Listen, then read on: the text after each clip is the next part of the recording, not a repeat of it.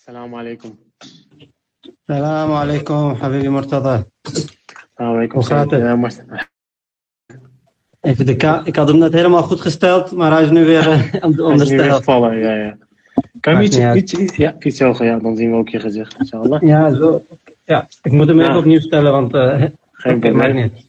Nou, inshallah Kun gaat je, alles mij, goed. eh, kun je mij goed horen? Ja, ik, eh, ik hoor je heel goed. Ik eh, denk dat eh, Oké. de rest eh, jou ook helemaal eh, goed hoort. Eh, alles goed? Ja, kijk. alles goed, gezond. Alhamdulillah, alhamdulillah. Het is weer gekke tijden. Ja, Zet je even wat harder, dan kan ik je ook beter horen. Ik, eh, ik zie ook dat er al meerdere mensen zich hebben aangemeld. Dus eh, inshallah kunnen we, kunnen we gewoon beginnen. En dan zullen we gewoon onze starten. Ik zit de chat ook mee te kijken. eh, we beginnen in de naam van Allah. Bismillahirrahmanirrahim. Ehm zoals jullie denk ik allemaal ook al hebben gezien. eh, we gaan het vandaag inshallah hebben over een wat meer maatschappelijk onderwerp. Een wat meer actuele onderwerp. Waar we denk ik allemaal wel mee te maken hebben gehad. En dat zijn geldzaken. Hoe beheer ik mijn financiële zaken? Ehm allereerst wil ik wel beginnen met te zeggen dat we, we zullen niet echt haram halal bespreken. Onderwerpen zijn, eh, zou, zouden wij echt adviseren dat je echt terug gaat naar je marja. Want eh, alhamdulillah tegenwoordig zijn, er zijn alle marja hebben websites in het Engels, in het Arabisch. Dus je kan daar heel veel informatie raadplegen. En elke marja heeft natuurlijk ook zijn eigen mening. Maar wat wij willen, willen proberen is dat wij uiteindelijk als jongeren die hier in Nederland wonen, we zullen te maken krijgen met eh, de Nederlandse regels. Hoe gaan we daarmee om als moslims? Eh, maar ook gewoon als, als werkende jongeren, als studerende jongeren, waar moet ik mee rekening houden? Hoe kan ik mijn eh, financiële zaken goed in orde hebben? We zullen drie- proberen drie onderwerpen vandaag met jullie te bespreken. We zullen beginnen met eh, eerst eh, hoe regel ik mijn geldzaken, mijn, eigenlijk in het algemeen financiële management van mijn geld.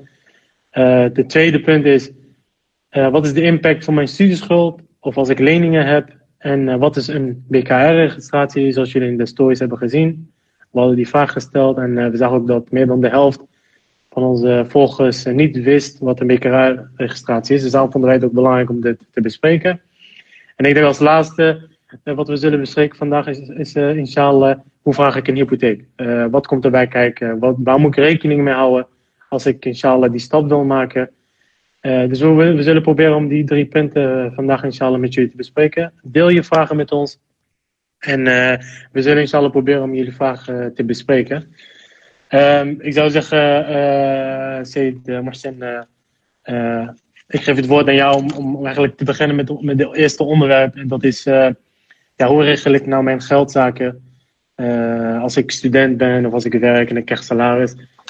Wat is het belangrijkste om rekening mee te houden? Als je dat met ons zou kunnen delen, dan zou ik zeggen, beginnen we inshallah onze podcast. Inshallah. Eh bismillah ar-Rahman ar-Rahim. Ehm, ja, ook iedereen welkom, alle kijkers. Ehm en wat Mortada eh, beschrijft, wil ik even aangeven dat wij graag ook eh, jullie reacties willen. Want we willen ook gewoon praktische vragen van jullie beantwoorden. Dus dat we niet alleen wij zelf gaan praten, maar we willen ook kijken wat de vragen zijn. Dus als jullie vragen hebben, zet ze alvast erin. We hebben via de reacties natuurlijk ook vragen gehad. Dus die gaan we ook inshallah proberen te beantwoorden. Ehm, ja, voor mij allereerst dan een korte introductie. Wij, ehm, ja, ik, ik ben ook een paar jaar geleden begonnen met werken en dan worden de geldzaken gewoon helemaal anders. Eh, vroeger was je bijvoorbeeld student Ja. en dan, eh, ja, dan krijg je studiefinanciering en dan eh, heb je nog niet nagedacht over het leven later, over het eventueel kopen van een huis, eh, belastingzaken, ehm, ja, inkomsten en uitgaven heb ik hier staan. Dus het is wel belangrijk om die dingen juist te bespreken, want op een gegeven moment als je er niet goed over nadenkt of je hebt het niet goed oh, dan kan het zomaar zijn dat, eh, dat je dus in een, ja, ik wil niet zeggen in de problemen komt, maar dat je wel in een situatie komt ehm, waar je uitgaven misschien groter worden dan je inkomsten. En op een gegeven moment kan dat wel leiden tot problemen. Dus ik denk dat we, dat we daarover vandaag voornamelijk willen hebben en jullie daar eh, ja, een aantal tips over willen geven. Ehm, ja, wat mij betreft, Mortal, mag jij het eerste onderwerp eh, starten. Dan, Concre- het eerste concrete onderwerp. Is goed? Nee, dan, eh, dan beginnen we. En, eh, voor de mensen die eh, zich net hebben aangemeld. het eerste onderwerp is hoe regel ik mijn geldzaken En eigenlijk mijn financiële management. Um, allereerst om eigenlijk om, om te beginnen, ik zou zeggen, uh, natuurlijk, wij zijn, alhamdulillah, wij zijn de volgers van El Beet. En uh, ik denk dat we daar al kunnen zien dat eigenlijk wij als moslims worden gemotiveerd om, om onze geldzaken goed in orde te hebben. En ik denk, uh, Imam al-Bagha alayhi salam, heeft zelfs een hadith waarbij hij zegt, uh, er zijn drie elementen die passen bij een gelovige.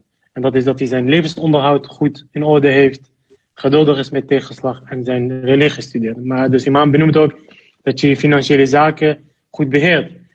En ik denk wat heel belangrijk is uh, om, om, om, eigenlijk mee te beginnen is om, een, om een, eigenlijk een probleem te benoemen. En natuurlijk zullen we later uh, met een oplossing komen. En ik denk de grootste probleem waar we vooral mee te maken krijgen bij het, het managen van onze financiële of geldzaken is, is vooral verspilling.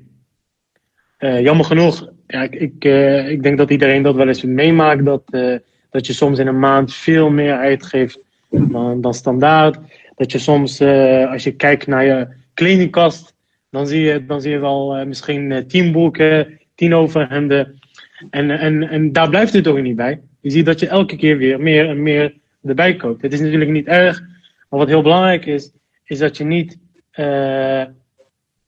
zeg maar, leidt tot verspilling. En ik denk dat dat een hele grote probleem is. Dat je moet proberen aan te kaarten en ook te begrijpen, ben ik nou bezig met dingen uh, kopen die ik nodig heb, of, nodig heb, of ben ik echt aan het verspillen? En het, het mooie is dat eigenlijk Allah subhanahu wa ta'ala ook dat heel mooi benoemt. Uh, ook in, in, in Surat al-Isra in vers 26, 27 zegt Allah zelfs, en verspil niet door meer uit te geven, waarlijk verspillen zijn de broeders van de shaitaan. Het is heel mooi dat eh, Allah subhanahu wa ta'ala eigenlijk ons duidelijk maakt is van heb je geldzaken mooi in orde. En, en wees niet een verspiller, want als je te veel verspilt, dan zal je de broeder van de shaitan zijn. Want, wat, wat leidt dat uh, tot dat je problemen straks zal hebben. En uiteindelijk wat heel belangrijk is bijvoorbeeld bij het, uh, bij het hebben van het, het beheren van je financiële zaken is allereerst om oké, okay, hoe kan ik dat regelen? Allereerst wat heel belangrijk is dat je je administratie in orde hebt. Wat betekent dat? Dat je eigenlijk uh, goed in orde hebt, oké, welke e-mails krijg ik binnen? Van welke instanties? De belasting, mijn zorgverzekeraars, de, de brieven die ik binnenkrijg. Heb dat goed in orde. Uh, een tip die ik uh, aan iedereen kan meegeven is, en dat doe ik zelf de laatste jaren ook, dat ik eigenlijk gewoon een map heb gekocht bij Action. En, en, wat ik doe is dat elke brief die ik binnenkrijg, met, die te maken heeft met mijn geldzaken en mijn administratie, dat ik die pak, ik maak er gaatjes in en ik, ik bewaar het in een map. En op die manier zorg je ervoor dat je, dat je je administratie goed in orde hebt. Dat je altijd terug kan kijken. Stel, de belastingding zegt tegen jou van ja, maar je hebt je geld niet betaald. Dat je altijd kan terugkijken. Misschien heb je het wel betaald. Want instanties maken soms ook fouten. Dus hou daar rekening mee dat je dat altijd bij elkaar moet houden en dat je dat heel goed in orde moet hebben. Wat ook heel belangrijk is, controleer ook altijd je bankafschrift. Want niet alleen maar, we krijgen niet alleen maar geld, maar er wordt ook heel veel afgeschreven. Dus maak een heel duidelijke overzicht okay, van wat komt er binnen en wat gaat er weg. Om, een, uh, om het nog duidelijker te maken, ik had een uh, goede vriend van mij uh, op werk. Die, ik herinner me nog dat ik eens een keer met hem in gesprek was en hij zei: Ja, wat hadden ik kan niet geld lenen. Ik kan niet geld sparen. Ik kan dat gewoon niet. Ik, ik, ik heb te veel uitgaven. En ik herinner me nog dat ik met hem aan tafel ging zitten en tegen hem heb gezegd: Oké, van weet je zeker dat je te veel uitgaven hebt? Dus uh, we gingen samen zitten en toen hebben we eigenlijk een lijst gemaakt van: Oké, waar gaat je geld naar uit? En wat we zagen is dat hij eigenlijk per maand minimaal 250 euro opzij kon zetten. En hij schrok er zelf ook heel erg van. Hij, hij wist het niet. En dat is zo belangrijk dat wanneer jij je, precies weet wat je uitgeeft, maar wat er ook binnenkomt, maar ook dat je precies weet waar gaat mijn geld naar uit. Bijvoorbeeld mijn telefoon, mijn verzekeringen, mijn huur, als je die hebt, mijn studies, uh, studiegeld. Zet dat allemaal op in een rij. En, en op die manier zul je precies weten, oké, okay, waar gaat mijn geld naar uit? Waar gaat, waar, hoeveel krijg ik van mijn salaris? Hoeveel krijg ik van mijn studiefinanciering? En op die manier, al is het 50 euro die je opzij, opzij zet, dat is wel na 12 maanden zit je al op 600 euro. En, en ik denk dat dat heel belangrijk is. Weet waar je geld naartoe gaat. Ik weet niet of je daar een uh, aanvulling aan wilt geven, uh, Ja, wat ik, wat ik in ieder geval ook mee wil geven. Uh, kijk, in deze zin, de wereld is niet altijd eerlijk. waarom ik dat zeg, is. Ja, er zijn eenmaal mensen die, die heel veel geld verdienen. En er zijn ook mensen die wat minder geld verdienen.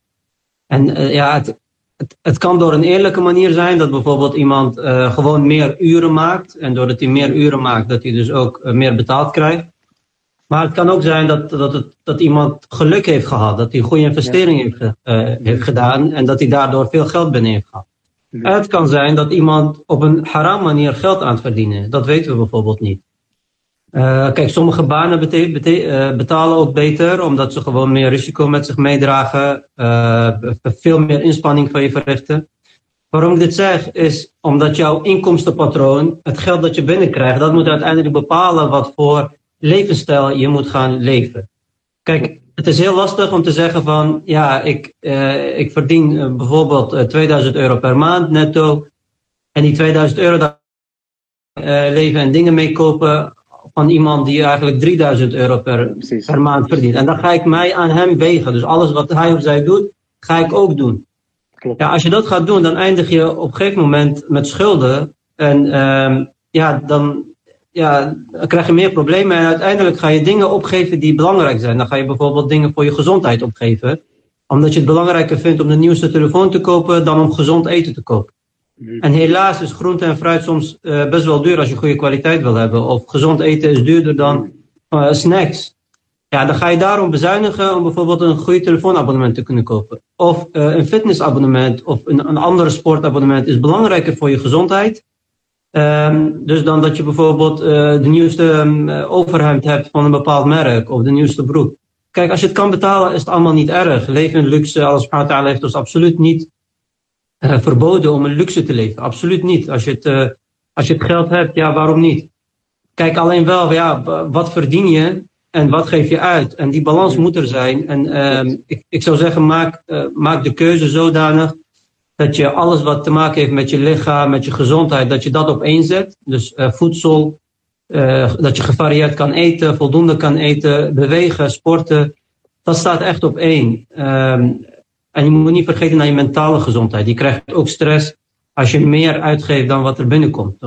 Dus dat is ook gezondheid. Hè? Dus daarom uh, dat sparen wat, uh, waar Mortad het over had, is ook belangrijk om die 250 euro per maand of 50 euro per maand op de kop te aan, ja, aan de kant te zetten. Zodat je, zodat je hoofd een beetje rust heeft. Um, en elke keer als je dan omhoog gaat met salaris, omdat je bijvoorbeeld een nieuwe baan hebt, ervaring hebt, en dan krijg je bijvoorbeeld 50 of 100 euro meer per maand. Nou, dan kan je opnieuw gaan kijken naar je leven. Van oké, okay, ik heb nu een telefoonabonnement van 20 euro per maand. Ik krijg straks 50 of 100 euro netto meer uh, volgend jaar. Nou, dan kan ik misschien een nieuwe telefoon halen. Dan kan, dan kan je die luxe veroorloven. Of dan kan je wel uh, bijvoorbeeld een nieuwe uh, ja, designkleding kopen als je dat belangrijk vindt. Maar wat ik mee wil geven, ja, ga niet, um, ga niet geld dat je niet hebt uitgeven aan, aan luxe spullen. Ga die, ga, ga die luxe pas in als je dus uh, het geld ervoor hebt. Uh, ik wil ook de mensen eh, vragen die meekijken van wat zie je om je heen? Zien jullie de mensen die dus uh, dure dingen kopen? zijn dat nou mensen waarvan je denkt, nou die hebben het geld wel en die geven het uit? Of zie je mensen om je heen die het geld niet hebben en uitgeven? Dus dat ben ik echt even benieuwd of mensen in, in de commentaar iets over kunnen zeggen. Want eerlijk gezegd, ik zie beide dingen. Ik, zie, uh, ook, ik heb ook wel vrienden en familie die gewoon het geld ervoor hebben en lekker uitgeven. Nou, daar zeg ik dan ook niks tegen. Maar ik heb ook vrienden die het geld gewoon niet ervoor hebben en luxe dingen aan het kopen zijn. En dan hoor je ze ook nog hier en daar klagen van ja, we komen niet uit iedere maand en we hebben dit. Ja, klopt. Maar ze rijden wel uh, nieuwe auto's of te dure auto's, laten we het zo zeggen. Ja, en, en, dan gaat het ergens toch mis. Uh, dus laat maar weten. Nee, kijk, ik denk uh, je, je, je kaart iets uh, heel moois aan. En, en, dat is eigenlijk, kort gezegd, uh, stel prioriteiten. Maar wees ook realistisch naar jezelf. Kijk, wat jij heel mooi benoemt is dat, kijk, je moet, je moet niet groter leven dan je aan kan. En, en, en dat is inderdaad wat, wat, wat je soms ook al ziet, is dat, zoals jij benoemt, wees realistisch. Kijk, als je, het, het, soms moet je ook geduld hebben. Dat, dat je, als je op dit moment een bepaalde salaris hebt, dan zal gedurende jaren zal dat meer worden en meer worden.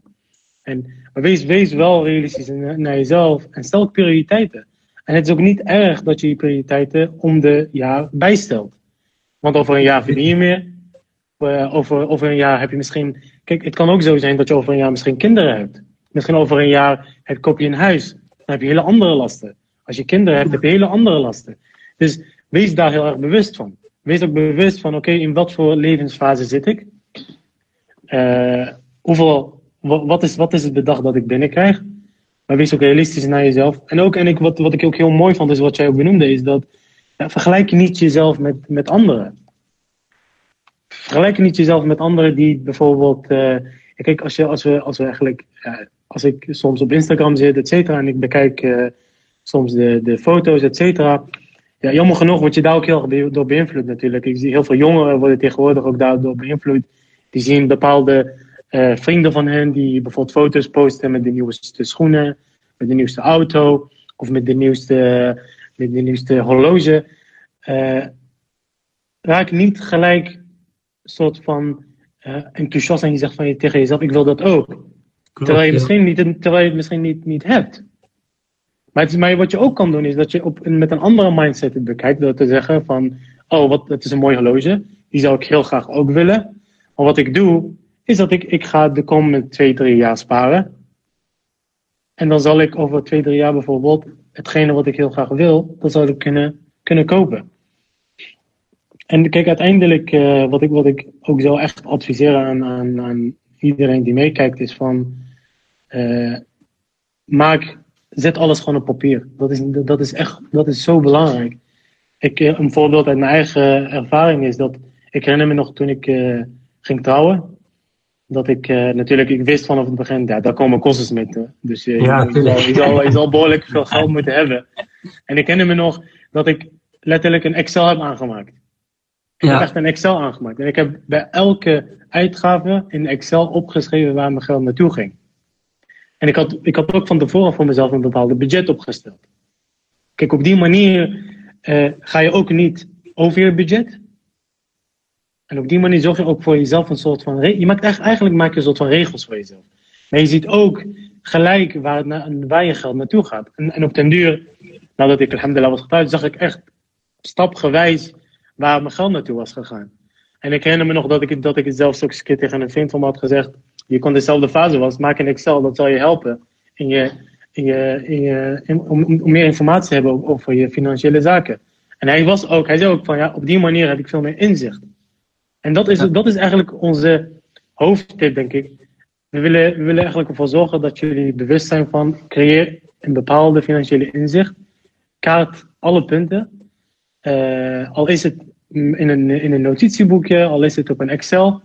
Maar uh, uh, laat het, schrijf het op. Want dan, dan weet je precies van, van dan heb je alles, dan heb je alles op papier of alles op computer. En dan heb je veel in één op, oogopslag weet je gelijk waar, waar je, wat je uitgaven zijn en wat je inkomen zijn.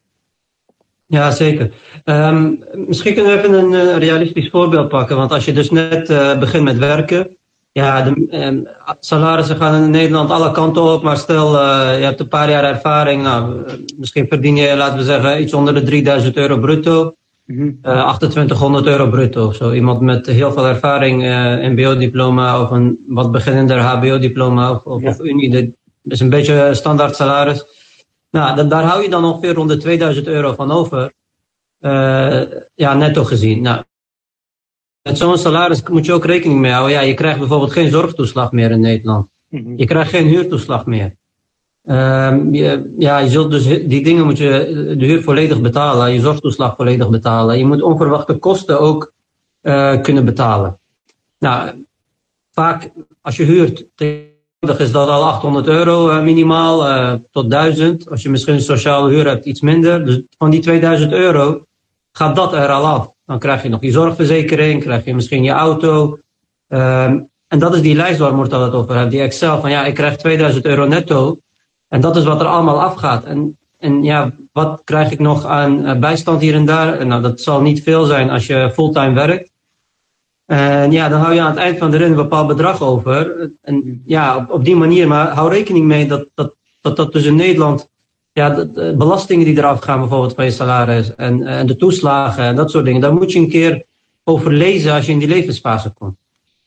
Um, ja, voor de rest kunnen we denk ik uh, dit onderwerp uh, ja, een beetje afronden nu en gaan kijken naar wat, het, wat, ja, wat de gevolgen zijn, bijvoorbeeld van, uh, van leningen en, en schulden.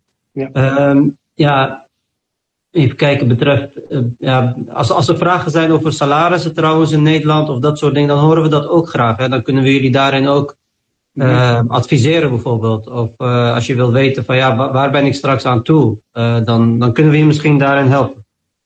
Um, even kijken voor de rest. Ja, ik ben, ik ben op zich door die punten heen. Dus ik denk dat we naar ook de wat interessantere deel kunnen gaan. we hebben de inleiding nu achter de rug. Ja, nou, ik, ik denk inderdaad, is eigenlijk wat we samenvattend, voor de mensen die nieuw komen, wat wij hebben besproken is, heb je financiële zaken al in orde? Ka zet alles, schrijf alles op. Bekijk regelmatig op je bank wat gaat er weg, wat, gaat, wat komt erin. Heb, heb een goede beeld van je uitgaven en inkomsten. Op die manier zal je precies weten wat je overhoudt. En het is ook, kijk, een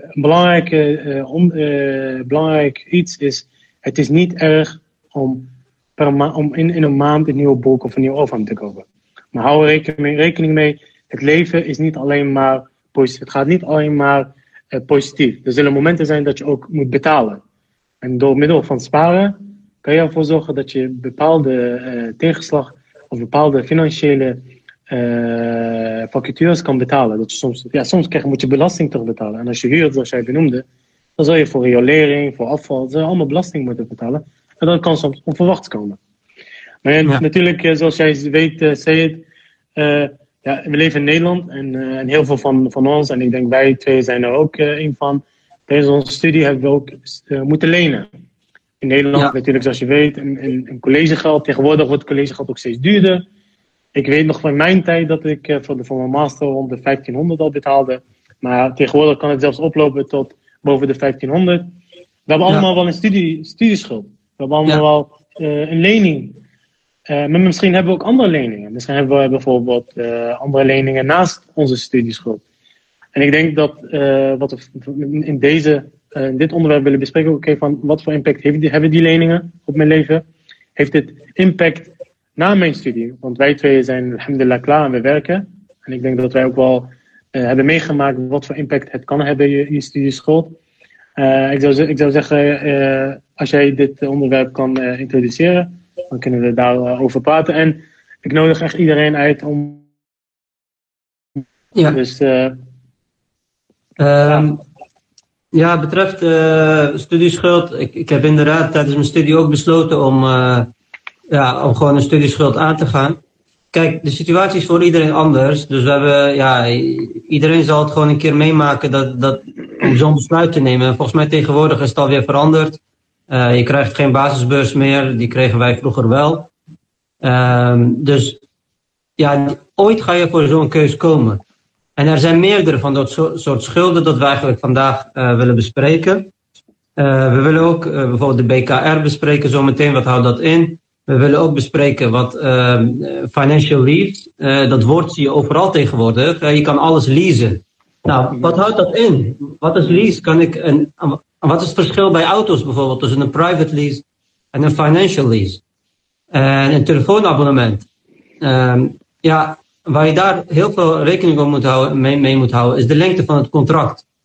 Want de lengte van het contract bepaalt ook wat jouw schuld is. Dus als je 20 euro per maand moet betalen aan iets en uh, je hebt eenjarig contract, nou dan weet je, ik moet 12 keer die 20 euro kunnen betalen. Uh, maar heb je een tweejarig contract of een driejarig contract met bepaalde zaken en je hebt, uh, en dat kost je bijvoorbeeld 2, 300, 400 euro in de maand bij bijvoorbeeld een auto, ja, dan moet je heel goed nadenken van kan ik dat bepaal, betalen? En wat, wat zijn daarvan de gevolgen op mijn andere keuzes? Kijk, in Nederland wordt alles geregistreerd. En misschien moeten we daarmee beginnen van elke schuld. We hebben in 2008 volgens mij ongeveer begon die schuldencrisis, om het zo maar te noemen een land als Amerika, daar uh, ging het alle kanten op. En iedereen kon daar wat, wat lenen. En het, veel meer lenen dan überhaupt wat hij mocht lenen. En toen, nou, aan het einde van die crisis, hebben we ervan geleerd. En toen hebben ze ook in Nederland hebben ze de stelsel aangepast. Dus nu kan je niet meer lenen wat je wilt lenen, maar ze kijken nu heel erg naar die uitgaves. Ze kijken heel erg naar welke contracten heb je al. Nou, dat wordt allemaal geregistreerd en dat heet een BKR-registratie, een basiskredietregistratie. En dat houdt in dat je dus elke schuld die je ergens aangaat, uh, dat die wordt geregistreerd. En een schuld is niet alleen maar van ik leen 5000 euro bij de bank. Dat is de simpelste manier van schuld. Maar schuld is eigenlijk een verplichting. Het is uh, bijvoorbeeld betaalverplichting, een betaalverplichting, exact. Dus bijvoorbeeld bij een betaal uh, of bij een abonnement van een mobiel, dan uh, tegenwoordig laten ze ook heel duidelijk zien, je betaalt bijvoorbeeld 18 euro per maand voor je abonnement, dus voor je belminuten en voor je sms'jes en internet. Maar daarnaast betaal je ook 20 euro per maand voor het toestel. Nou, die 20 euro voor het toestel, als dat boven een bepaald bedrag gaat, uh, 250 euro. Exact, 250 euro dan wordt dat dus bij BKR uh, geregistreerd dat jij dus een, uh, een, betaalverplichting hebt voor de komende twee jaar van 20 euro per maand. Dat staat daarnaar. Dus als jij dan later een andere lening wilt krijgen voor iets anders, dan gaan ze kijken bij het BKR en dan zien ze daar dat jij dat hebt. Nou, op zich is dat niet erg. Hè? Het, het is niet erg om een telefoonabonnement te nemen en dat je die afbetaalt. Maar hou er rekening mee dat dat geregistreerd wordt.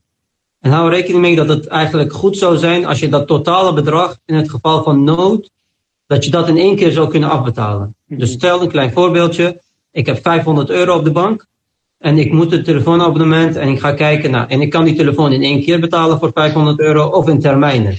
Mhm. Nou, voor mij komt het beter uit in termijnen en ik, ik ga ook kijken dat daar geen rente aan vast zit. Tegenwoordig kan je dat zien en inderdaad, de meeste zit daar gewoon geen rente in. Dus daar hoef je ook geen zorgen over te maken. Um, en ik ga het in termijnen betalen. Nou, stel er gebeurt iets waardoor ze, um, waardoor ze dus um, gaan kijken naar je BKR-registratie. Dan kan je van zo'n BKR-registratie gewoon af. Dan ga je gewoon naar, naar je telefoonprovider en dan zeg je: uh, Ik wil die toestel in één keer afbetalen, zodat ik van mijn BKR-registratie afga. En dan is dat geen probleem, dan betaal je dat in één keer af. Dus dan kan je makkelijk van zo'n verplichting. Denk, denk daarover na. Ga niet een verplichting aan waar, waar je het potje ervan niet op je spaargeld hebt staan. Hmm. Ik zie een vraag binnenkomen van ze kijken vooral naar je inkomsten. Uh, dat is niet helemaal zo, want ze kijken ook naar je andere verplichtingen, dus naar je uitgaven. Een klein voorbeeld, ik kan 2000 euro per maand netto verdienen, wat ik op mijn bank krijg. Nou, dat geeft mij een bepaalde recht op bijvoorbeeld een hypotheek later. Maar uh, de bank gaat mij ook vragen van, heb je een studieschuld? En als ik een studieschuld heb, dan is dat uh, daar kunnen we zo meteen wat verder op in. Maar een studieschuld kan zijn als ik 15.000 euro studieschuld heb. En dat kan al heel snel als je bijvoorbeeld een universitaire opleiding doet van vijf of zes jaar en je gaat vanaf het begin lenen. Dan uh, nou, betaal je voor die 15.000 euro studieschuld betaal je later 100 euro per maand. Ja. En de bank die gaat dan kijken voor die 100 euro per maand krijg je ook alweer minder. Uh, mm-hmm. Bijvoorbeeld een hypotheek iets minder. Klopt. Dus ze kijken ook naar je uitgaven, niet alleen naar je inkomsten. Ja. Misschien kan jij over studieschuld, uh, praktisch uh, ja. situatie of zo wat vertellen, ja. Martijn? Jazeker. Um, kijk, ik denk om, om ook een beetje verwarring uh, te voorkomen, is dat de studieschuld die, die we hebben, die wordt niet geregistreerd in de BKR. dat is al om, om een beetje verwarring te, te voorkomen, is dat je moet wel de, dat. Dat is een uitzondering, broeder. De BKR-registratie. Uh, wat je wel, ik denk wat wel heel belangrijk is, is dat je ook niet moet vergeten wat, wat ook wordt geregistreerd in de BKR. En daar moet je ook rekening mee houden. Kijk, tegenwoordig stellen banken ook uh, toe dat jij uh, in de min staat. Zeg maar, wat je ook noemt, dat je in de rood staat, in je rekening. heel, veel, heel veel mensen, heel veel jongeren hebben dat. Dus dan is een salaris op, maar dan mag je van, van de bank kun je zeggen, ik wil tot 500 euro in de rood staan. Of ik wil tot 1000 euro in de rood staan. Vergeet niet dat de BKR zelfs dat registreert. Uh, ook om, om ook een beetje aan, uh, mee rekening te houden is dat tegenwoordig, stel uh, een voorbeeld, ik, ik, ik huur nu een woning en ik betaal bijvoorbeeld 900 euro per maand. tegenwoordig, sommige mobielproviders controleren ook of jij huur hebt. En sommige mobielproviders doen zelfs best wel moeilijk, die, die eigenlijk dan zeggen van oké, je hebt een huur van 900 euro. Dat zien wij ook in de BKR staan. Dan mag je niet meer bepaalde uh, nieuwe mobiels uh, een abonnement nemen met, met toestel. Je zal alleen de, de abonnement met toestel kunnen nemen als je een soort van voorafbetaling doet van bijvoorbeeld 500 euro, et cetera. Dus hou daar rekening mee. Hou er rekening mee dat elke lening die jij aangaat, die lening wordt geregistreerd. En ook impact zal hebben op, op, uh, op de leningen later die je zal nemen. Of, of de, de stappen die je wilt maken later. Uh, om wat dieper te gaan op uh, studieschuld. Kijk, het, het, het voordeel van studieschuld is dat. ja, kijk, het, het, voordeel van studieschuld is dat er eigenlijk een super lage rente op zit. ik, heb, ik heb wel eens van. kijk, persoonlijk heb ik wel eens mensen gehoord. Ja, ik wil het gelijk in één keer afbetalen. Of, of ik ik, nee, ik ga toch in termijnen. Persoonlijk denk ik bij mezelf, maar dat is hoe ik er naar kijk, is studieschuld, omdat er toch zo bijna geen rente op zit.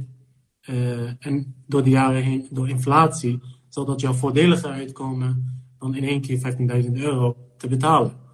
En zoals jij benoemde, voor het vragen van een hypotheek zal jouw studieschuld ook invloed hebben. En wat heel belangrijk is, dat je ook rekening mee houdt dat de banken niet kijken naar je huidige studieschuld, naar, naar het betalen, maar ze kijken naar de, naar de studieschuld, die is je officiële studieschuld. Ze kijken dus niet naar wat je na twee, drie jaar hebt afbetaald. Ja, dat komt ook. Uh, ja, dat komt onder andere omdat die originele studieschuld jouw maandbedrag bepaalt. Ja, klopt. Jouw, jouw maandbedrag die je dus terug moet betalen, zeg maar, dat, dat, dat wordt bepaald door je originele studieschuld. En dus dan kijken ze naar ja, wat je per maand kwijt bent aan het terugbetalen van je inderdaad. Klopt inderdaad. We hebben trouwens nog een vraag gekregen, uh, zag ik, over, uh, een creditscore. Ja, in Nederland is die creditscore een beetje vergelijkbaar met de BKR-registratie. Ja. Dus dat, uh, wat je, ik denk dat het een ander land is dat het creditscore heet. Ja, in Nederland is dat dus de BKR-registratie. Ja, wat, wat belangrijk is bij een BKR is, de, er, zijn, er zijn twee types. En eigenlijk wat je kan noemen, dat zijn twee situaties. De eerste één situatie, dat is wat ze noemen de positieve BKR. Dat je, en een negatieve BKR-situatie.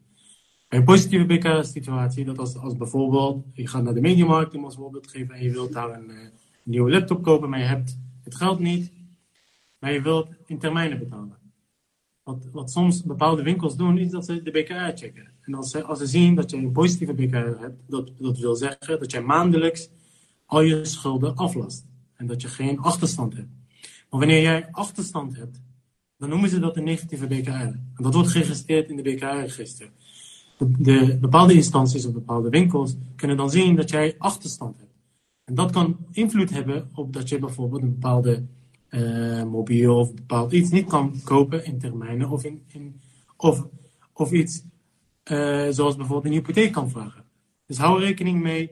Eh, kijk, ik denk dat we heel vaak ook reclame zien van, van uh, op de tv van geld lenen kost geld. En dat klopt inderdaad ook. Bij heel veel leningen, bij, bij sommige leningen die je neemt, er wordt soms ook echt behoorlijk veel rente genomen. Uh, dus kijk, denk, ik, ik, denk wat ik als tip kan geven is, uh, als je kan betalen, betaal het. Neem geen lening, want wat je vaak ziet is, is dat je vaak wel meer dan 100 euro. Als je bijvoorbeeld iets voor 500 euro koopt, betaal je soms wel vaak 150 euro rente. En vraag jezelf dat af. Als ik het heb, zou ik zeggen, betaal het. En dat is ook wat we ook net eh, besproken. Dat, is het voordeel van het sparen. Dat wanneer je spaart, zul je ook minder snel leningen hoeven te nemen. En dat is, dat is denk ik wel heel essentieel om te begrijpen. Is dat, kijk, jammer genoeg wat je ziet, is dat heel veel jongeren tegenwoordig wel echt leningen nemen. Uh, of bijvoorbeeld als, ze, als, als een, een, nieuwe laptop willen kopen, dan kopen ze in termijnen. Kijk, je moet wel rekening mee houden, die winkels, zij, zij stellen zulke termijnensystemen in, omdat ze willen dat de mensen meer gaan kopen. Zij houden niet rekening mee dat jij bijvoorbeeld straks het niet kan afbetalen. Dus hou ook rekening mee uh, van je, naar je, wat voor levenssituatie zit ik nu. Maar als je sparen hebt, kan dat ook ervoor zorgen, stel je wordt over een jaar, dan word je ontslagen. Dan moet je drie, vier maanden, misschien langer, op zoek naar een nieuwe baan. En in die periode zal je heel veel kosten hebben. En als je heel veel leningen hebt, dan moet je die allemaal proberen te betalen. Dus daarom is het heel belangrijk om, om, om je financiële zaken goed in orde te hebben. En op die manier kan je altijd, heb je altijd een buffer. En ik denk dat dat wat wij eigenlijk willen benoemen is, creëer een buffer voor jezelf. En, hou, en, en wees bewust dat er regels zijn in Nederland, zoals de BKR-registratie. Ja, nou, als jullie daar nog uh, vragen over hebben, kun je gewoon uh, gaan googlen op BKR-registratie. Dan kom je op hun site. Dus het heet gewoon van Stichting BKR. Um, ik heb laatst uh, ook ja, als voorbereiding hierop, en, en, je kan, in iedereen die dat wil, kan dat eigenlijk doen. je kan naar de BKR-site gaan en je kan je gegevens invullen. En dan krijg je een mailtje, ik geloof binnen een dag, zelfs binnen een paar uur, dat die gegevens online staan. Dan kan je inloggen. En als je inlogt, zie je heel, heel mooi welke leningen er allemaal lopen. En uh, nou, misschien is het aardig om een keertje, als je niks te doen hebt, om even naar die site te gaan, in te loggen, uh, je gegevens aan te vragen. Je krijgt dan een mailtje, je kan dan uh, kijken welke leningen er allemaal lopen op jouw naam. En uh, misschien zijn er sommige, heb je al afbetaald, maar die staan daar dan nog in.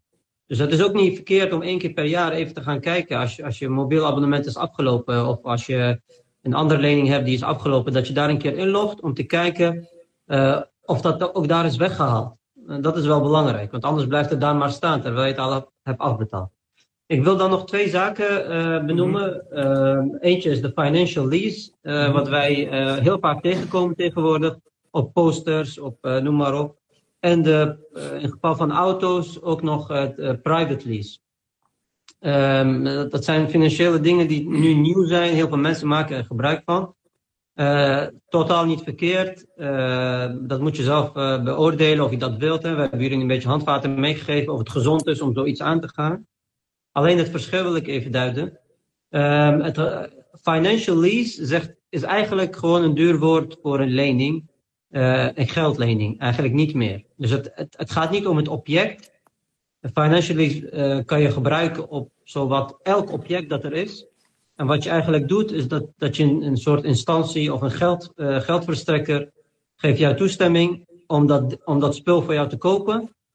En dan ben jij eigenaar van dat spul, wat het ook is.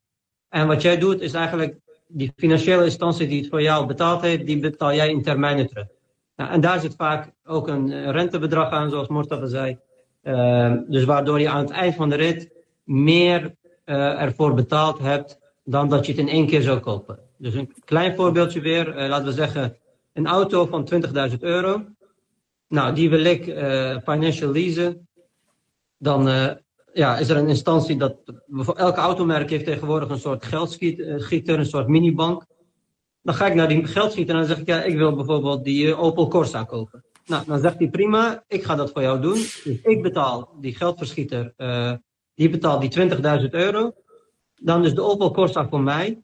Ik, ik moet alsnog zelf uh, wegenbelasting betalen. Ik moet alsnog zelf um, uh, onderhoud doen. Ik moet hem zelf, uh, hij, in geval van ongeluk ben ik er ook van. Dan moet ik hem bijvoorbeeld weer laten maken. En het enige wat ik dan als verplichting heb, is een betaalverplichting richting de instantie. Dus richting in dit geval bijvoorbeeld Opel leasing of zoiets heet het. En dan moet ik bijvoorbeeld 500 euro per maand aan Opel leasing betalen.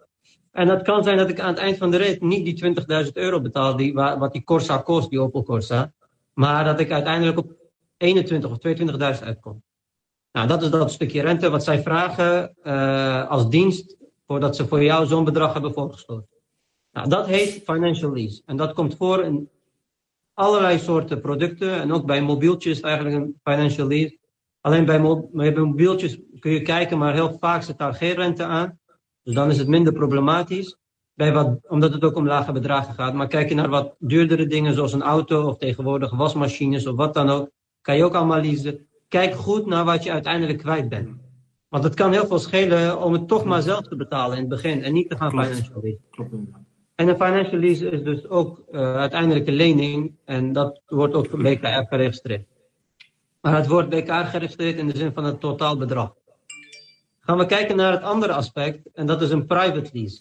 En die term zie je vaak bij auto's. En private lease is heel wat anders dan financial lease. Bij private lease is het een soort huur. Uh, dus het object is niet van jou. Jij huurt het object voor een lange termijn bij, uh, bij diezelfde uh, ja, geldverstrekker, zeg maar. Dus dan spreek je af dat die geldverstrekker het gaat kopen. Die geldverstrekker, die is ook eigenaar van de auto, niet jij. En jij huurt die auto dan van die geldverstrekker, net als dat jij bijvoorbeeld gewoon een appartement huurt van een, van een woningmaatschappij of zo. En jij betaalt die geldverstrekker een bepaald bedrag. Uh, en daarin zit dan ook uh, bijvoorbeeld je, je wegenbelasting, je verzekering, je, alles zit erin. Dus jij, jij hoeft alleen maar één bedrag te betalen en dat is voor de huur van de auto. En je hoeft er verder rest helemaal niks meer aan te denken of niks meer aan te doen. Dus dat is een soort huurconstructie. Net als dat je uh, voor een dagje een auto huurt, is het bij private lease alsof je voor een jaar of drie jaar een auto huurt. De BKR-registratie is ook totaal anders. Als je een financial lease doet, dan krijg je bijvoorbeeld een BKR-registratie van de waarde van de auto. Maar bij een private lease krijg je een BKR-registratie voor de waarde van het contract. En soms uh, niet eens voor de, voor de gehele contract, maar alleen voor de opzegboete. Omdat je met die opzegboete van het contract af bent. Dus uh, een klein voorbeeldje weer. Uh, ik ga een auto private leasen. Dat kost mij 300 euro iedere maand. Uh, de auto is 20.000 euro waard. Nou, we hebben al gezegd, mijn BKR is niet 20.000. Maar wat is mijn BKR dan wel? Nou, een voorbeeld. Ik heb net even gekeken. ik, ik heb zelf ook een private lease. Ehm, mijn private lease boete, die ik in ieder geval moet betalen als ik vandaag het contract zou opzeggen. Dat is het eerste jaar moet ik volledig betalen. En het tweede en derde jaar moet ik maar 40% betalen. Nou, weg komt dat uit op 7000 euro. Dat is mijn verplichting die ik aan dat contract uh, moet betalen, wat ik aan vastzet. Nou, die 7000 is totaal anders dan die 20.000 wat de auto waard is. Nou, dat is dus een andere constructie. Dus uh, als je dat ziet, uh, ja, de risico's zijn ook anders. Bij financial lease zijn de risico's van jou, want de auto is van jou. Ja. Bij private lease is uh, de auto niet van jou. Dus als die auto in de brand ligt, niet jouw probleem, het is hun probleem, de auto is van hun. Zij moeten zorgen dat het opgelost wordt. Dus totaal anders. Ja. Um, ja, dat wilde ik nog even uitleggen. Nee, dat, uh, het onderwerp, ja. Ik denk, ik denk dat het echt inderdaad ook heel belangrijk is. Om, dat je, nou, bedankt ook dat je dat hebt uitgelegd, want je ziet het ook inderdaad veel vaker. Um, wel, één ding waar, wat ik ook wel echt wil aankaarten is dat, kijk, alhamdulillah, we leven in een, in, in, een, in een tijd waar veel online staat. Dus mijn, mijn advies is ook, is ook echt dat voordat je aan wat dan ook begint, ga op zoek. Want tegenwoordig kan je alles online vinden. Dus, dus begin niet zomaar met een lening, begin niet zomaar met iets kopen zonder je in te lezen.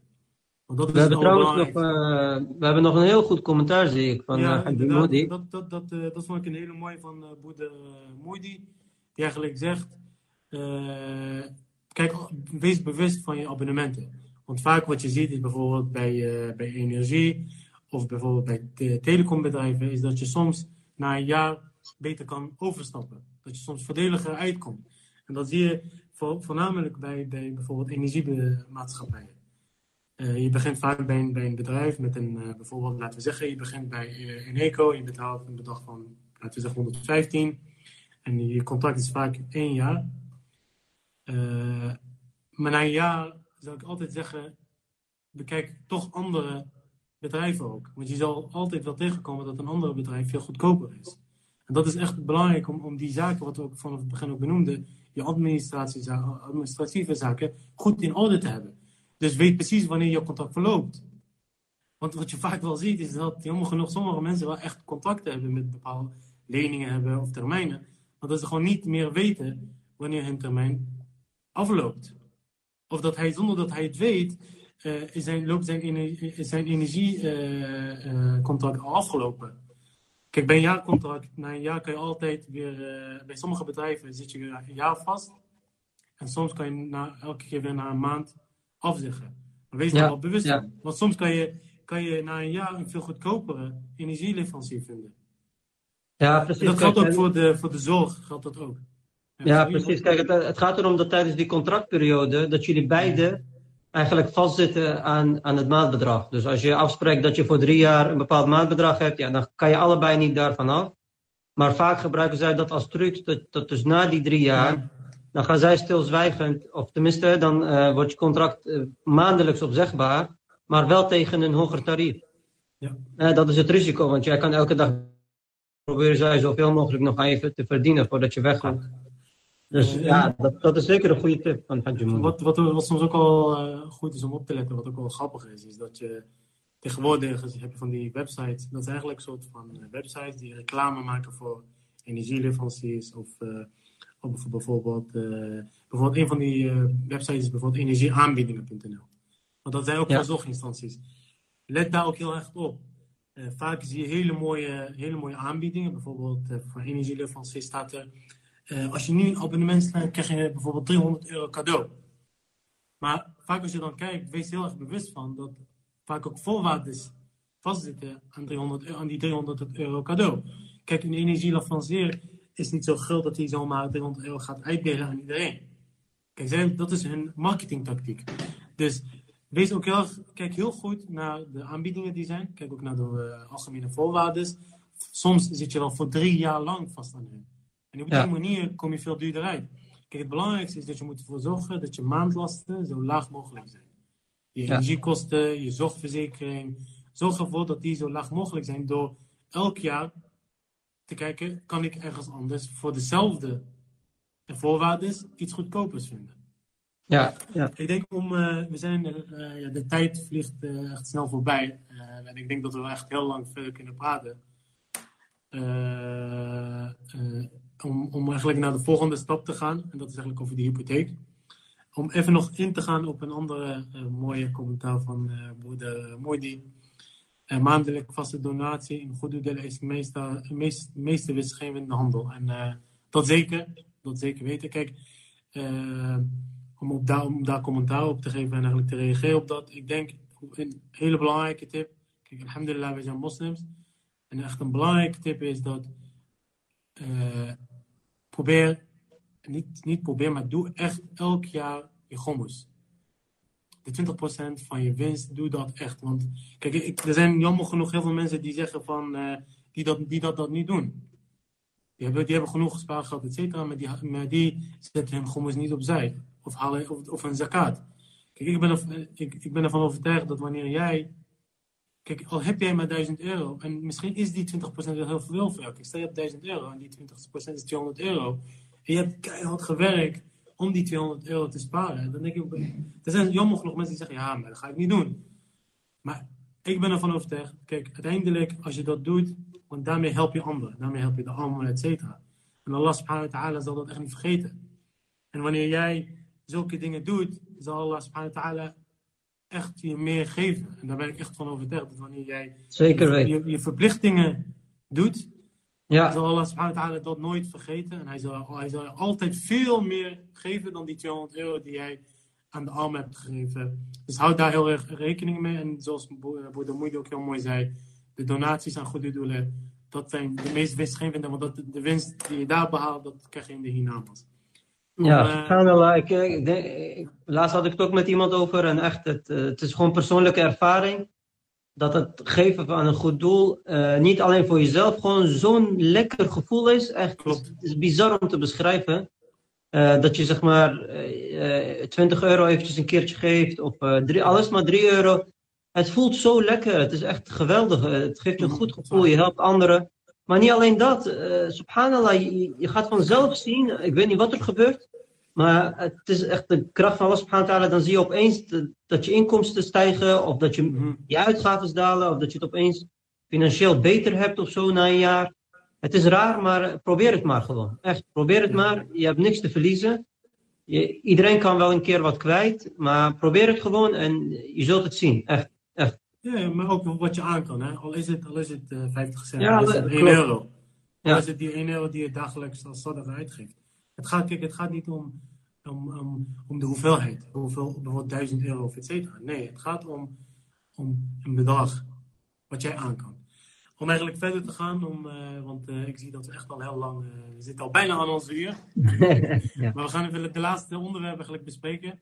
en ik denk dat ook heel veel mensen daar geïnteresseerd zijn. Is, en dat is zoals Boerder Moody ook benoemt, uh, hoe vraag ik een hypotheek? Wat komt erbij kijken?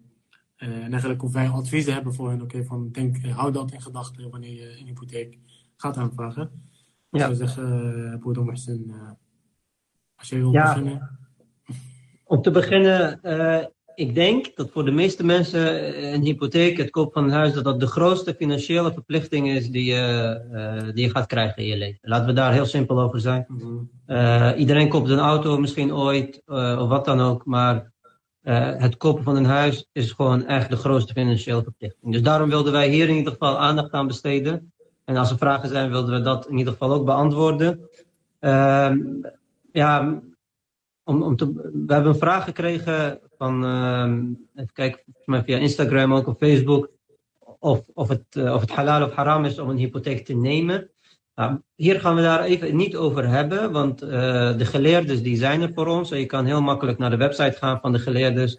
En daarin zeggen zij specifiek uh, wat zij ervan vinden om een hypotheek te nemen in, in een westers land. Klopt. Um, wat ik in ieder geval erover kwijt wil, is die, die grootste financiële verplichting die je aangaat in Nederland. Dat is, um, ja, je moet je daar even in verdiepen. Een hypotheek nemen is niet, is niet zo simpel als een geldbedrag krijgen.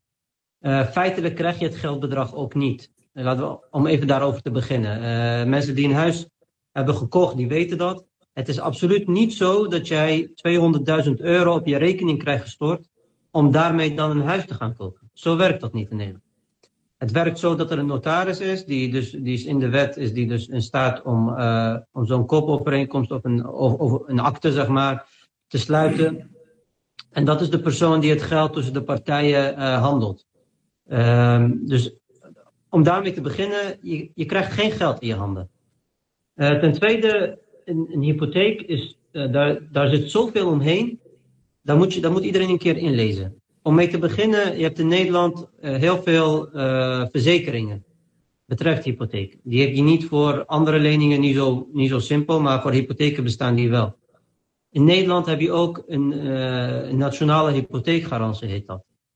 Dat betekent dat als, ehm, als je huis, dat je die, als je die verplicht moet verkopen, door ziekte of door overlijden of door baanverlies, dan is er een instantie in Nederland die, als je bijvoorbeeld het huis met verlies verkoopt, dat ze dat dekken. Dus stel ik koop een... En eh, of het is door, sorry dat ik je onderbreek, dat gaat alleen ja. voor, voor woningen die onder de 3 ton zitten. Ja, precies. Ja, ja. De NHG-garantie is alleen voor de woningen onder de 3 ton. Dus daar, hou daar wel rekening mee. Ja, nee, dat is een goede aanvulling natuurlijk. Inderdaad, als je een huis van 4 ton gaat kopen nu tegenwoordig, dan zegt zo'n instantie van ja, jij koopt een, een te duur huis. Dus daar, daar hoeven wij jou niet uh, in te dekken. Dus ga je, ga je voor een gemiddeld huis, en wat Mortada zegt, tegenwoordig is een gemiddeld huis kost 300.000 euro.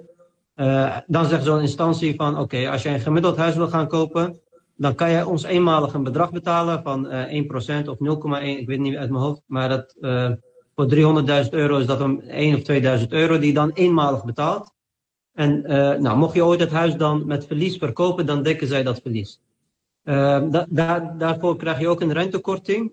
Hè, want de bank die zegt, ik loop minder risico nu. Dus jij krijgt van mij korting op de rente. Dus dat wil ik in ieder geval even meegeven. Uh, om te beginnen, een hypotheek is geen geldlening. Je, krijgt, uh, er is wel een bank die jou uh, in staat stelt om een huis te kopen. Maar niet in de vorm van dat je het geld krijgt in je handen of zo. Of dat je zelf kan beslissen wat je ermee gaat doen. Misschien kan Mortada ons even wat meer vertellen over het, het, proces voordat je überhaupt bij een bank een huis kan kopen. Of, of via een bank een huis kan kopen. Kijk, ja, het allereerste wat heel belangrijk is, is eigenlijk wat alles wat we van het begin hebben benoemd in, in dit podcast is uh, waarom je, de, je financiële administratie heel belangrijk is. Dat als je later een huis wil kopen, je precies weet wat ik, wat, hoeveel geld heb ik? Wat is mijn salaris? Hoeveel, uh, wat kan ik aan? En ik denk dat dat heel belangrijk is. Want door middel van je financiële administratie kan je bepalen: oké, als ik wat voor type huis kan ik kopen? Misschien uh, heb ik zoveel uitgaven, kan ik, kan ik niet een, een woning kopen van bijvoorbeeld 4 ton. Want hou er wel rekening mee dat uh, de hoger je hypotheek, de hoger je, je lasten worden. Dus eigenlijk je maandelijkse, soort van eigenlijk je maand, hetzelfde als als je huur betaalt, moet je maandelijks aan de bank een bedrag betalen. Dus hou daar heel erg rekening mee. Dus het allereerste wat ik zou, zou, zou geven als tip, uh, kijk, ga zitten, kijk wat je uitgaven zijn, wat is jouw salaris. Het allereerste, kijk, voordat je een hypotheek kan aanvragen, wat de bank doet, ze kijken naar jouw bruto salaris. Dat is nummer één. Ze kijken, oké, wat is jouw bruto salaris? Ze kijken, oké, heb je een partner? Heb je geen partner? Als je een partner hebt, dat zal, daardoor zal je, en die partner heeft ook een salaris, kan je vaak een hogere hypotheek krijgen. Ten tweede kijken ze ook, wat voor schulden heb je? Heb je lopende schulden? Uh, en om, om ook één ding heel duidelijk te maken aan iedereen. Kijk, uh, vroeger kreeg je niet zo specifiek de vraag van de bank, heb je een schuld of niet? Tegenwoordig zijn banken daar veel voorzichtiger in. Tegenwoordig vragen de banken heel specifiek ook, nou heb je een studieschuld? Wees er bewust van dat als jij op dat moment zegt, nee, dat heb ik niet en je hebt het wel, dat het later tot consequenties kan leiden omdat je dan fouten pleegt. En een van de consequenties is dat je daardoor je, je woning moet verkopen. Want de bank zegt, nou, je, je, je pleegt fraude. En natuurlijk, wat wij ook, wij zijn alhamdulillah moslims, en fraude plegen, dat, dat mag niet. En je moet gewoon eerlijk zijn. Want als je schulden hebt, benoem het. Want je wilt niet laten eh, in de problemen komen en straks je huis moeten, moeten verkopen. Dus dat, dat is nummer drie. Dus ze kijken ook naar jouw studieschulden. Wat, heb, wat voor schulden lopen er? Kijk, een ding wel dat de, als je vanaf 2018 bent begonnen met, je, met het betalen van je studieschuld, telt de studieschuld minder zwaar mee. Maar stel bijvoorbeeld, je hebt een studieschuld van ongeveer 15.000 euro. Uh, en kijk, uh, om een voorbeeld te geven, jij en je vrouw werken en je kunnen maximaal 4 ton lenen. 400.000. Uh, een studieschuld van 15.000. Dat kan zo invloed hebben dat je, dat je maximale wat je kan lenen kan dalen van 400.000 naar bijvoorbeeld 330.000. Er wordt, er wordt wel behoorlijke bedragen van afgetrokken, omdat ze zeggen, ja, je hebt een te grote lening staan. Ja, dus wat heel belangrijk is om, uh, om echt in orde te hebben voor jezelf. Kijk eerst, oké, okay, wat is mijn salaris? Uh, is, kan, heeft mijn partner een salaris? Ben ik alleen? Oké, okay, als ik alleen ben, kan ik een veel lagere hypotheek. En op die manier kan je bepalen wat voor type woning je, op, in, uh, je zal kopen. Dus hou daar heel, heel erg, wees daar heel erg bewust van. En, uh, en wat ik ook als, advies zou geven is, stel als je een woning wilt kopen. Uh, tegenwoordig bieden heel veel banken wat ze noemen gratis oriëntatiegesprekken. Wat zo'n oriëntatiegesprek is, je belt de bank of een, of een instantie die hypotheek verleent. Uh, je belt ze en je vraagt, ik wil graag een woning kopen, maar ik weet niet of ik financieel sterk voor sta. Ik weet niet of ik moet lenen. Dan ga je een gratis, dat noemen ze een gratis eerste gesprek, een oriëntatiegesprek. Je gaat dan in gesprek met een van, de, van hun financiële adviseurs. En je gaat dan samen kijken uh, wat je kan lenen. En misschien, misschien zie je dan dat op dat moment dat je te weinig kan lenen. En, ja. en dat ze misschien vragen van jou, ja, heb je, uh, dus daarom is het misschien ook wel goed als je hebt gespaard, kan je met dat spaargeld kan je ervoor zorgen dat je een bepaalde woning kan betalen. Het laatste punt wat ik wil aankaarten is bij het vragen van een hypotheek zitten ook heel veel wat ze noemen lasten die je zelf moet betalen. En een van de, van de lasten die hij benoemde, uh, uh, broeder Marcin, dat was de, de notaris. de notaris is bijvoorbeeld, een notaris kost al 1500. daarnaast als je een hypotheek aanvraagt, zul je een taxatierapport moeten doen. Je zal andere kosten moeten, je moet aan de bank, omdat ze daar, bijvoorbeeld daar voor jou de hypotheek regelen, dan betaal je ook al 1100. Dus als jij een woning wilt kopen en je wilt een hypotheek aanvragen, moet je altijd uh, extra geld hebben dat je hebt gespaard. Klopt, Want ja. De, de notaris, de taxatie, de, de, het regelen van je hypotheek, dat zal de bank niet voor jou betalen. Dat zijn nieuwe regels vanuit de, vanuit de, vanuit de regering, vanwege de economische crisis. Hebben ze gezegd, wij willen wel dat wij geven je alleen een hypotheek als jij ook een eigen bijdrage levert. En en die eigen bedrijf, eigen bijdrage bestaat uit bijvoorbeeld de notaris, de taxatie, of bijvoorbeeld ja. zo'n bouwkundige keuring, et cetera. En dat kan je allemaal online ook vinden. En uh, een goede website is bijvoorbeeld op, uh, kan je op Rabobank makkelijk je informatie intypen. En dan krijg je gelijk in één keer te zien wat je kan lenen. Uh, ja. Ik zag ook dat uh, broeder Moody nog iets had gezegd. In de overleveringen wordt aanbevolen om een huis in bezit te hebben. Klopt inderdaad de Bayt, die, die motiveren ons ook om, om, om een huis in bezit te hebben. En laten we ook eerlijk zijn, natuurlijk, dat is ook veel beter. Het, het jammer genoeg van een huur, het heeft nadelen, dat, dat het huis niet van jou is. En als je in een huurwoning investeert, zal je het na een jaar of twee, als je weggaat, weer moeten slopen. En dat zal ook in ieder geval zorgen dat de woningwaarde omhoog gaat. Maar wanneer je een eigen huis hebt, is het je eigen bezit. Kan je op je eigen manier daaraan investeren, dingen aan aanpassen. En op die manier is het ook, ook van jou. Dat is denk ik ook het, uh, het voordeel van het hebben van een uh, woning. Ik weet niet of jij nog, uh, wat wilt toevoegen. Ja, ik, ehm, ik merk de laatste tijd, tenminste wat, wat we horen, is dat heel veel mensen ook voor het maximale gaan wat ze kunnen lenen. Ja. Ehm, nou, dat, ik wil dat eigenlijk afraden. Dus als je bijvoorbeeld drie ton kan krijgen, dan uh, is het misschien handiger om huizen te kopen van 250, ongeveer 250.000 euro. Of als je vier ton kan krijgen, dat je huizen gaat kopen van uh, 300.000 euro. Dus ga ver onder jouw budget zitten, vooral als je met z'n tweeën bent. Want het kan zomaar zijn dat een van die twee later bijvoorbeeld zijn baan verliest. Of tijdelijk van baan wil veranderen bijvoorbeeld. Uh, in Nederland, als je gewoon normaal hebt gewerkt en zo, en er gebeurt iets waardoor je werkloos raakt, krijg je natuurlijk nog, nog maar 70% van je loon op, op een gegeven moment. Uh, dus daarmee wil je ook die hypotheek kunnen betalen, zodat je niet in de problemen komt. Nou, dat zijn zaken die je wel aan moet denken. Dus wat ik zeg, dat is de grootste financiële verplichting van je leven. Dus als je die aangaat om een huis te kopen, uh, en in Nederland, ja, er zijn bijna geen andere mogelijkheden helaas om een huis aan uh, te kopen. Dus ja, je, je bent soort van, ja, nou ja, dat, is discussie, misschien een andere soort discussie nou betreft wel of niet een hypotheek nemen. Maar laten we zeggen dat, dat dat de enige oplossing is en dat je dat gaat doen. Ga dat dan wel met volledig verstand aan en laat, laat jezelf daardoor niet in de problemen brengen. Er zijn verzekeringen ook die je kan nemen, bijvoorbeeld voor, voor 5 euro per maand, die dus bepalen dat dat als je bijvoorbeeld straks werkloos raakt en je kan de hypotheek niet betalen, dan zijn er twee opties. Uh, als je zo'n verzekering niet neemt, dan kan je het huis verkopen. En als je het huis verkoopt, nou, dan geef je het geld terug aan de bank. Als er een verlies is op het huis, dan heb je de instantie NHG nog, waar we het net over hebben gehad, die dat verlies gaat dekken. Maar stel, je wilt in het huis blijven wonen. Dus je wilt niet het huis verkopen. Nou, NHG helpt je niet daarbij.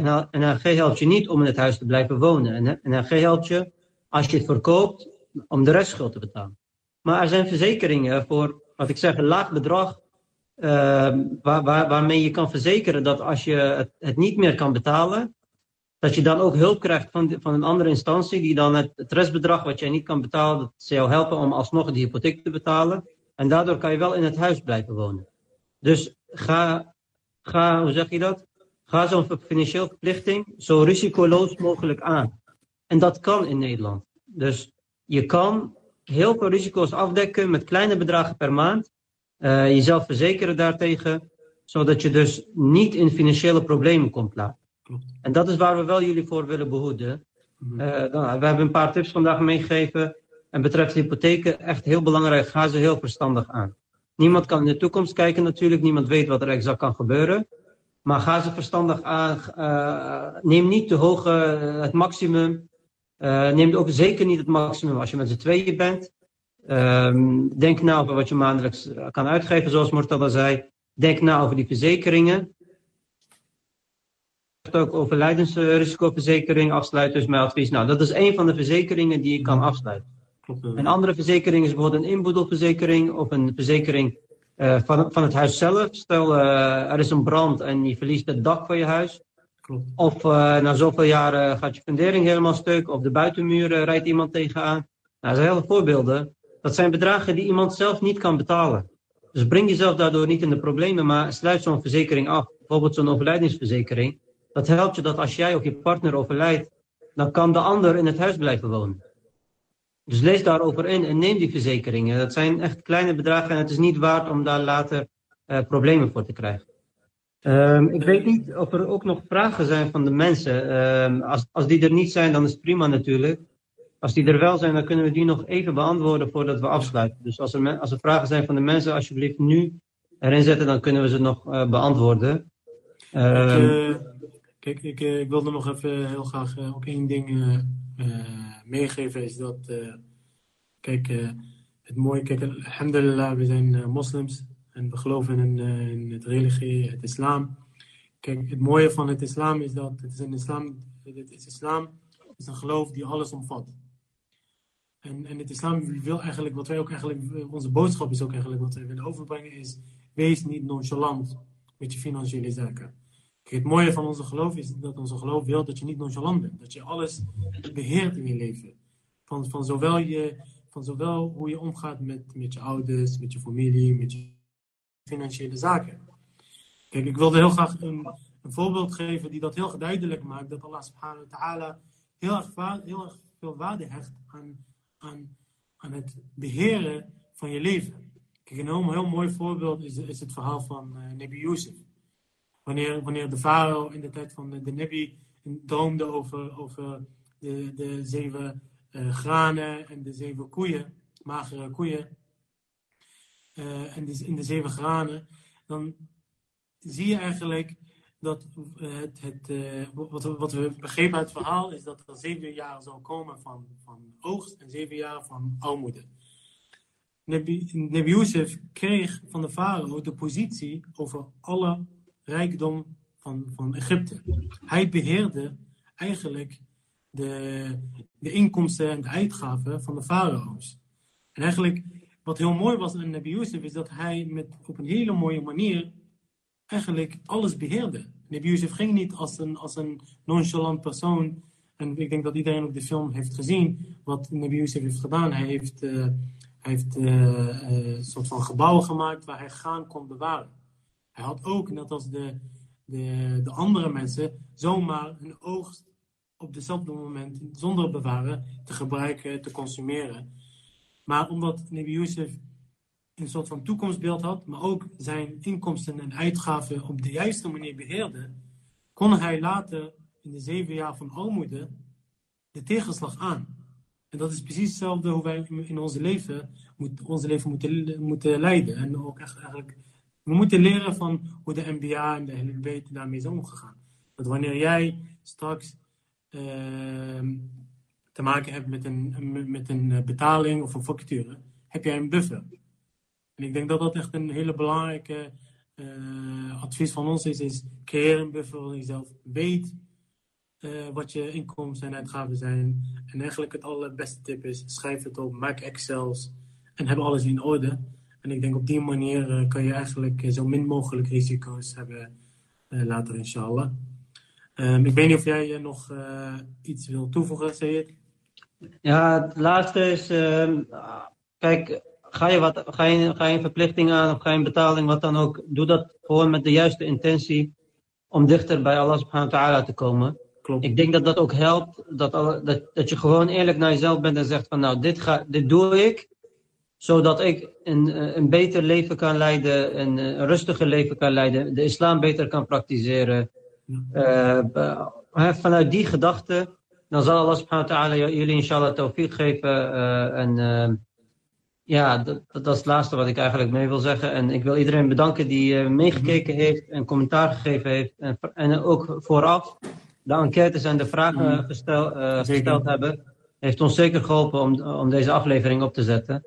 Dus wat mij betreft, inshallah, tot de volgende keer maar weer. Inshallah. Uh, jij ook uh, heel erg bedankt, uh, Sayed, voor, jou, voor jouw informatie. Ik, ik hoop ook dat iedereen er wat aan heeft gehad. Jullie kunnen de podcast ook inshallah terugzien op onze Instagram. En als laatste wat ik heel graag wil zeggen is, als jullie onderwerpen hebben die jullie willen dat we die bespreken. Benoem die, stuur ons een, een bericht. En we hopen inshallah dat iedereen een gezonde periode doorgaat tot, tot de vaccin. En ik zou zeggen, ik wens iedereen een fijne avond. En inshallah ja. tot de volgende keer. Maar Fijne avond. Salam alaikum. Fijne avond.